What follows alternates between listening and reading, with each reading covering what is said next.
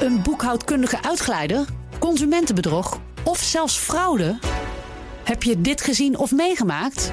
Laat het ons weten via onderzoek.bnr.nl. Want de onderzoeksredactie van BNR stelt ook jouw kwestie op scherp. Onderzoek.bnr.nl. Studio Den Haag. Ja, we moesten er even op wachten. Maar met nog krappe maand voor de verkiezingen presenteerde NSC van Pieter Omtzigt vandaag dan toch het partijprogramma. Tijd voor herstel heet het. En we gaan het doornemen met Eddy van Heijem, kandidaat Kamerlid en voorzitter van de verkiezingsprogrammacommissie van Nieuw Sociaal Contract. En ook politiek verslaggever Mats Akkerman is in Den Haag. Goedemiddag allebei. Goedemiddag. Eddy van Heijem, u zat samen met Pieter Omtzigt bij het CDA. U kent elkaar echt al heel lang. Deze zomer Klopt. stapte u over naar NSC. Ja, u bent dus wel een vertrouweling van Omtzigt. Bevriend misschien ook al wel. En, en dit is verder geen relatie-interview, maar wat vindt u in elkaar? Nou, ehm, het klopt ja. We, we kennen elkaar eh, al jaren. Eigenlijk, ik zit even te denken, 2003 volgens mij heb ik hem voor het eerst ontmoet... toen wij allebei Kamerlid werden voor het, eh, voor het CDA. Allebei uit Overijssel afkomstig. Waar wij ook nog overigens wel eens tegenover elkaar zijn gezet... in een regionale voorverkiezing. Maar dat heeft de relatie gelukkig niet eh, geschaad. Sterker nog, ik heb altijd ja, echt een hele goede collegiale band met hem gehad. En ja, wat, wat ons bindt is denk ik toch heel erg de... ehm, de inhoud, de, de interesse om ehm, als er problemen aan de orde zijn, echt te snappen waar het over gaat. Dat waardeer ik ook enorm in hem. Ook eh, de manier waarop hij politiek bedrijft. Dat is ook waarom ik hem heb gesteund, ook in zijn poging om lijsttrekker te worden een, een tijdje geleden. Ehm, en toen hij mij vroeg uiteindelijk, eh, ja, dat was kort voor de zomer, om Ja. mee te doen, eh, heb ik toch gedacht, nou ja, ik, ik geloof in die manier van politiek bedrijven, in, in zijn inhoudelijke drijfveren. Dus ik, ik doe mee. Oké, nou voordat dit echt een datingprogramma wordt, Mats. Ja. jij hebt het programma gelezen. We hebben het sinds vanmiddag. Is dit herkenbaar het werk van oud-CDA'ers? Lees je dat erin terug? Nou, als je me vraagt van waar zou je dit programma plaatsen, dan is het misschien wel waar het het dichtste bij komt bij het CDA. Maar Omtzigt wil zich in ieder geval niet plaatsen op een klassieke links-rechts schaal. Eh, ja, het CDA is natuurlijk een middenpartij, soms een beetje centrum-rechts, afhankelijk van de partijleider. Maar Omtzigt vindt dat we NSC niet gelijk daar moeten plaatsen. Wij vinden bestaanszekerheid heel erg belangrijk. Dat is traditioneel een linksthema. Omdat we gewoon zien dat het Rode Kruis bijvoorbeeld zegt dat er 400.000 mensen in Nederland zijn die onvoldoende eten hebben om eh, onvoldoende inkomen hebben om te eten. Bestuurlijke vernieuwing is behoorlijk radicaal. We denken dat het huidige stelsel niet gefunctioneerd heeft. Dus we willen een grondwettelijk hof. Eh, we willen een nieuw kiesstelsel met districten. Eh, we willen een betere wet om klokkenluiders te beschermen. Nou, vroeger was dat iets wat je bij D66 eh, moest zoeken. Nu wat minder. We zijn ook nog voor het correctieve referendum. En we willen een forse beperking van migratie. Ja, dat moet je traditioneel zien bij de centrumrechtse partijen. Ja, dus een deel is links, een deel is rechts, een deel is centrum. Zie je ook op de lijst. Iemand komt van D66, iemand is overgestapt van de VVD. Maar de meeste er vandaan komen toch wel, zoals meer van Heijm, ook van het CDA. Oké, Eddie van Heijem. Ja, is het programma daarmee ja, voor ieder wat wils? Of, of zag u toch een samenhangend geheel uit de printer rollen? Ja, dat laatste. eh, althans, we hebben dat serieus geprobeerd. Ehm, kijk, er lag, we begonnen niet helemaal bij nul. Er, er, er ligt een eh grondslagendocument met eh, eh, Ja, onze basis, visie op samenleving. Ja, de relatie tussen overheid en samenleving. En met ook de analyse dat dat sociaal contract, wat eigenlijk al, wat, wat al eeuwen bestaat hè, tussen inwoners en hun bestuurders. Ehm, eh, en wat gebaseerd is op een soort vertrouwen. En het vertrouwen dat, dat, je over, dat je goed bestuurd wordt, netjes bestuurd wordt. Dat er rechtvaardigheid, gerechtigheid, dat dat principes zijn die altijd de boventoon voeren. Dat dat vertrouwen geschonden is. En vanuit die analyse hebben we geprobeerd op een aantal eh, terreinen. Ja, eigenlijk in de volle breedte, van onderwijs en zorg tot aan eh, ja, de fysieke leefomgeving en zelfs de digitale leefomgeving te kijken. Wat betekent dat nou eh, voor het herstel van die relatie? Wat, wat moet je dan concreet doen? En we hebben ook elk eh, hoofdstuk zijn we begonnen met ehm, eh, te schetsen wat we niet alleen van de overheid vragen, maar ook wat we van de samenleving vragen. Om die relatie ook weer te Ja. herstellen. Wat moet u dan concreet anders gaan doen? Nou, wat ik ehm, mijzelf wel heel erg eh, heb voorgenomen. Kijk, ik heb, dit, is, eh, ik heb best wel even geaarzeld, moet ik zeggen, om deze stap als kandidaat Kamerlid weer te zetten. Eh, en ik heb het ook al eerder gedaan. En wat ik eh, echt anders zou willen doen, ook met de nieuwe collega's, is ehm, dat hyperige echt van debat naar debat rennen, eh, van incident naar incident, alles groot maken, elke fout groot maken, dat we daar echt van af moeten. Ik ben er zeer van overtuigd dat mensen eh, zitten te wachten op een politiek die weer echt over die inhoudelijke dilemma's gaat. En Mhm. echt niet altijd naar de mond gepraat eh, willen worden. Liever een duidelijkheid hebben dan eh, vage verhalen. Ja, het Ehm, voornemen snap ik, maar het lijkt me nog heel ja. heftig om dat te realiseren als de rest van de we Kamer dat wel doet. Ja, maar we beginnen toch echt bij onszelf. We hebben, ehm, ik heb daar volgens mij nog niet heel veel over teruggezien. Maar in ons programma ook echt eh, opgeschreven wat wij van onze eigen Kamerleden verwachten. Dus wat verwachten wij van onze eigen Kamerleden? Dat zij hun eh, inzet plegen op, op wetgeving. Serieus werk maken van wetgeving. We hebben bijvoorbeeld. Pensioen eh, is een hartstikke ingewikkeld, groot, belangrijk onderwerp. Eh, 14, 1500 miljard hebben we het over. We hebben een pensioendeskundige op onze lijst staan, hoog op onze lijst staan. Die zul je denk ik niet heel vaak terugzien bij praatprogramma's en in media.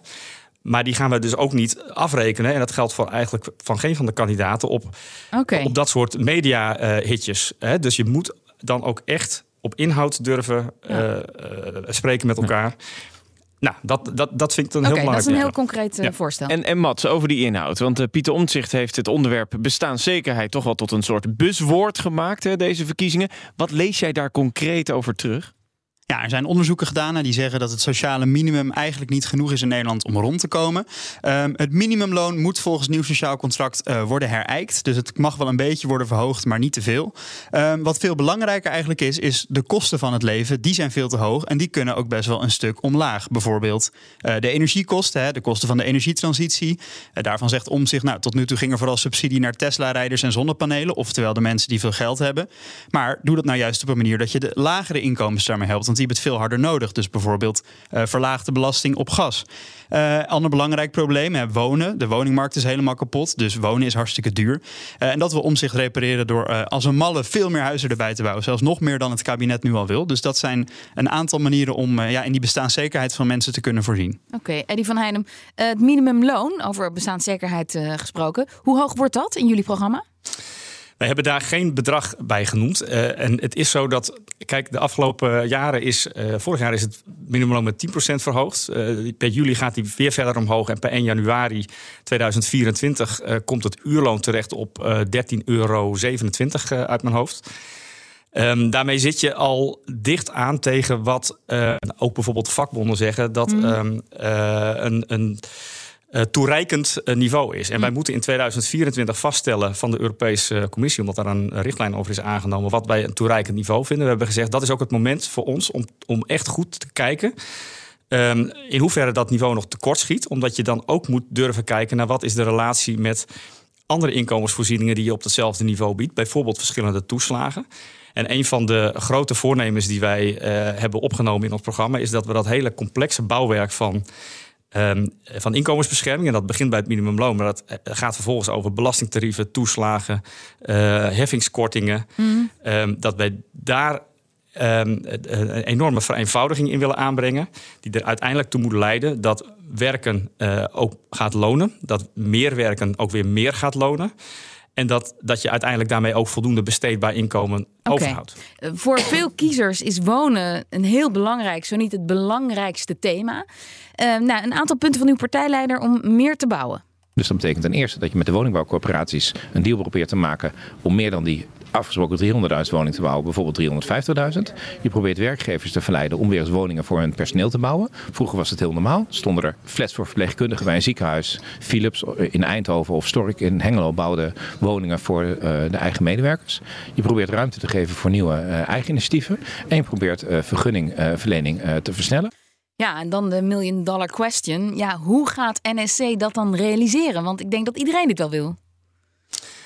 Ja, dat, dat, dat klopt. Hier is denk ik overigens ook eh, in de Kamer eh, wordt daar veel urgentie op gevoeld. En ik denk dat dat alleen maar goed is. Ehm, en het is ook echt zo dat we. Ik moet ook zeggen dat eh, in het debat wat afgelopen week werd gevoerd, ik heb dat een beetje geprobeerd te volgen. Ik ook de minister Hugo de Jonge. Eh, echt eh, eh, verder vooruit heb horen kijken dan de komende jaren. Ook heeft gezegd, we moeten ook lange termijn locaties nu gaan aanwijzen. Nou, dat is precies ook wat wij in ons programma hebben opgeschreven. Je moet zorgen voor voldoende locaties. Dus, eh, Dat zal ruimtelijk door het Rijk en de provincies moeten worden opgelost. Die moeten worden aangewezen in het ruimtelijk beleid. Je zult echt procedures moeten, moeten versnellen. Uh, het, is, het kost soms vijf tot zeven jaar om van een, een, plan tot uitvoering te komen. Dat is veel te lang. Maar wat ik hoor wij, is dat u dus ook wil naast de locaties wil aanwijzen. Dus ook eigenlijk mensen wil gaan aanwijzen die daar mogen wonen. Als we het weer hebben naar teruggaan naar bouwen voor het personeel. Nou, we willen in ieder geval, ik denk dat er heel veel nodig is. Hè? Dus je zult ook voor doelgroepen moeten bouwen. En inderdaad, een voorbeeld daarvan is dat werkgevers ook weer voor hun personeel uh, kunnen gaan bouwen. Het gebeurt over in de praktijk al. Ik, uh, Pieter noemde net een aantal voorbeelden. Ik zie het zelf in mijn eigen regio, in, in Deventer ook. Hè, dat een groot ICT-bedrijf nu een woningbouwlocatie ontwikkelt vlakbij het station. Om daar zijn. Uh, ja, zijn talentvolle medewerkers uh, te kunnen binden. Ja, dat soort initiatieven, dat, dat, dat ja. moet je denk ik uh, de ruimte geven. Want daar zit gewoon heel veel um, drive om op korte termijn veel dingen te realiseren. Nou, er staat nog veel meer in dat uh, programma. Daar heeft u de komende vier weken nog ongeveer om dat aan de man te brengen. tot slot nog heel even: dit verkiezingsprogramma is niet doorgerekend door het CPB. Er was geen tijd meer voor. Maar ik heb begrepen dat u zegt: Nou, dat kan ik zelf heel goed. Dus dat hoeft niet. dat, nou, ik heb gezegd, het, het lukt ook echt niet. We zijn uh, nu twee maanden bezig met deze partij. En het, het doorrekeningsproces van CPB dat begon toen de partij nog niet eens bestond. Um, dus wij komen daar gewoon praktisch niet aan toe. Het is wel zo dat we om die reden echt een serieuze financiële paragraaf hebben, hebben opgenomen in ons programma. En ook later, we, we hebben sowieso gezegd, we doen geen hele grote dure beloftes. Daar willen we echt kritisch op zijn. Mm. Dus geen verwachtingen wekken die we niet kunnen waarmaken. Vandaar ook een voorzichtige uh, passage over het minimumloon. Maar de dekking klopt. Uh, vandaar ook geen, uh, ja, van, geen algemene belastingbeloftes. Maar dat wat wij voorstellen, de maatregelen die wij treffen en de reparaties die we voorstellen, die, daar hebben we ook financiële dekking voor. Als ik één voorbeeld daarvan mag noemen. Heel kort. Bij, bij, bij dit belastingplan, wat deze week wordt behandeld al, een verlaging van de energiebelasting, die door het uh, kabinet fors wordt verhoogd, met 200 uh, euro verlaagd. Um, door ook aan te geven uh, waar we de dekking zoeken, namelijk um, hmm. de BTW, hogere BTW op logies voor hotels. Ja. Dus wij zijn iedere keer concreet over waar we het zoeken. Dank, Eddie van Heijem, kandidaat Kamerlid van Nieuw Sociaal Contract. En Mats Akkerman, onze politiek verslaggever.